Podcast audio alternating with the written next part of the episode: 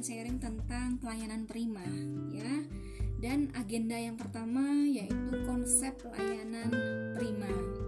Nah, konsep layanan prima ini yang pertama kita harus pahami yaitu pelanggan atau customer.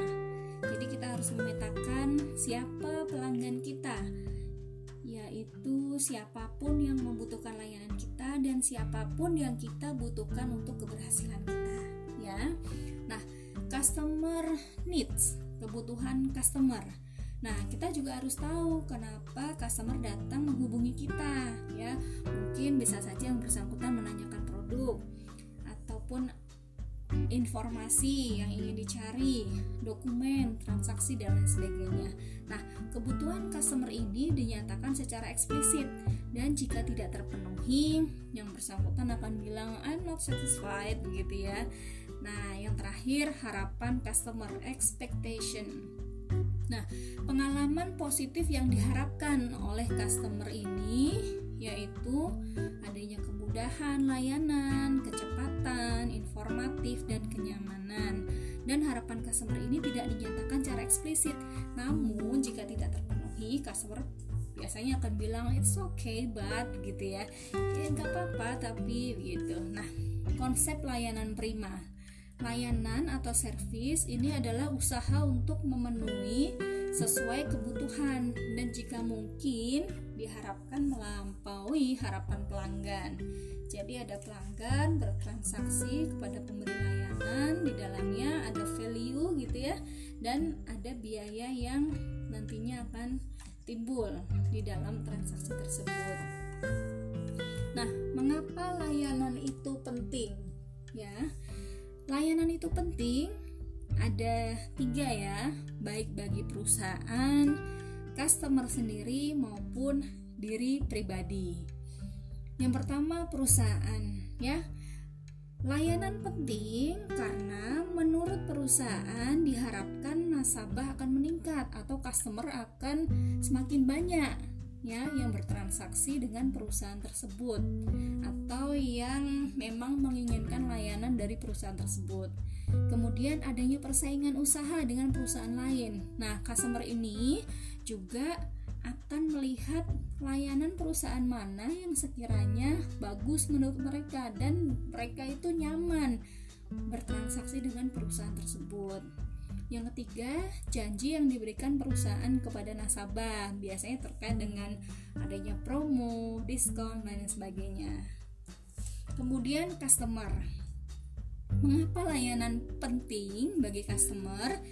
Karena yang pertama kebutuhan dan harapan meningkat ya. Jadi apa yang dibutuhkan dan harapannya itu tinggi.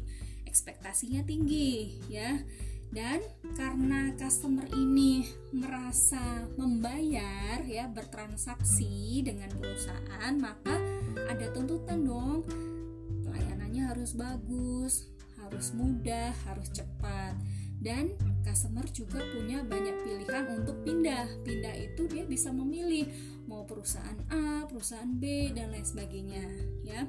Yang ketiga diri pribadi ya. Jadi untuk kita yang bekerja itu kita diharapkan dapat meningkatkan kinerja atau kualitas pribadi.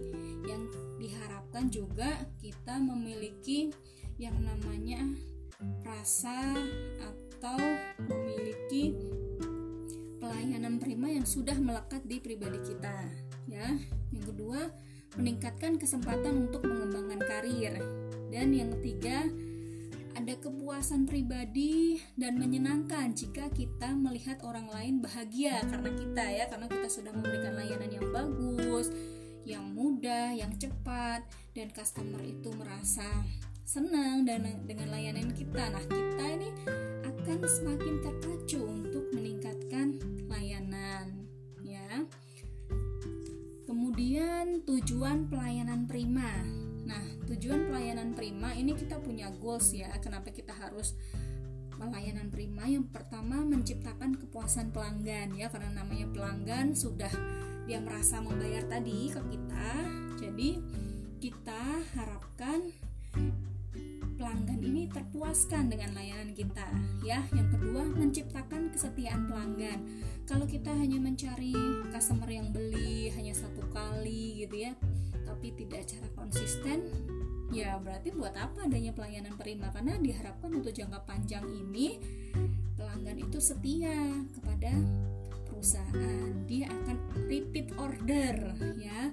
Akan bertransaksi kembali dengan kita yang nantinya akan meningkatkan omset perusahaan ya karena ada pelanggan yang datang kemudian dia setia dengan produk kita kemudian dia juga melakukan pembelian secara terus menerus sehingga omset naik dan laba atau keuntungan juga meningkat. Nah, ini ada beberapa fakta tentang pelanggan. Yang pertama, customer yang tidak puas akan menceritakan pengalamannya kepada 8 sampai 10 orang tentang ketidakpuasannya. Ya, setuju ya kalau ini ya. Kalau kita lihat eh jangan beli di sana deh karena pelayanannya tidak enak misalkan seperti itu atau jangan menggunakan produk tersebut karena produknya seperti ini tidak meyakinkan dan lain sebagainya ya. Nah, 7 dari 10 customer yang komplain ini akan kembali menjalin kerjasama dengan kita jika kita mampu menjawab komplain mereka. Jadi teman-teman ya, kita tidak ada masalah kalaupun memang ada customer yang komplain, tapi yang diharapkan itu ya kita bisa menjawab komplain mereka. Paling tidak kita punya standar respon time. Berapa lama kita menindaklanjuti komplain mereka ya. Jika kita dapat mengatasi komplain saat itu juga maka kemungkinan 95% akan menjalin kerjasama kembali dengan kita. Itu ya itu agenda pertama tentang konsep layanan prima.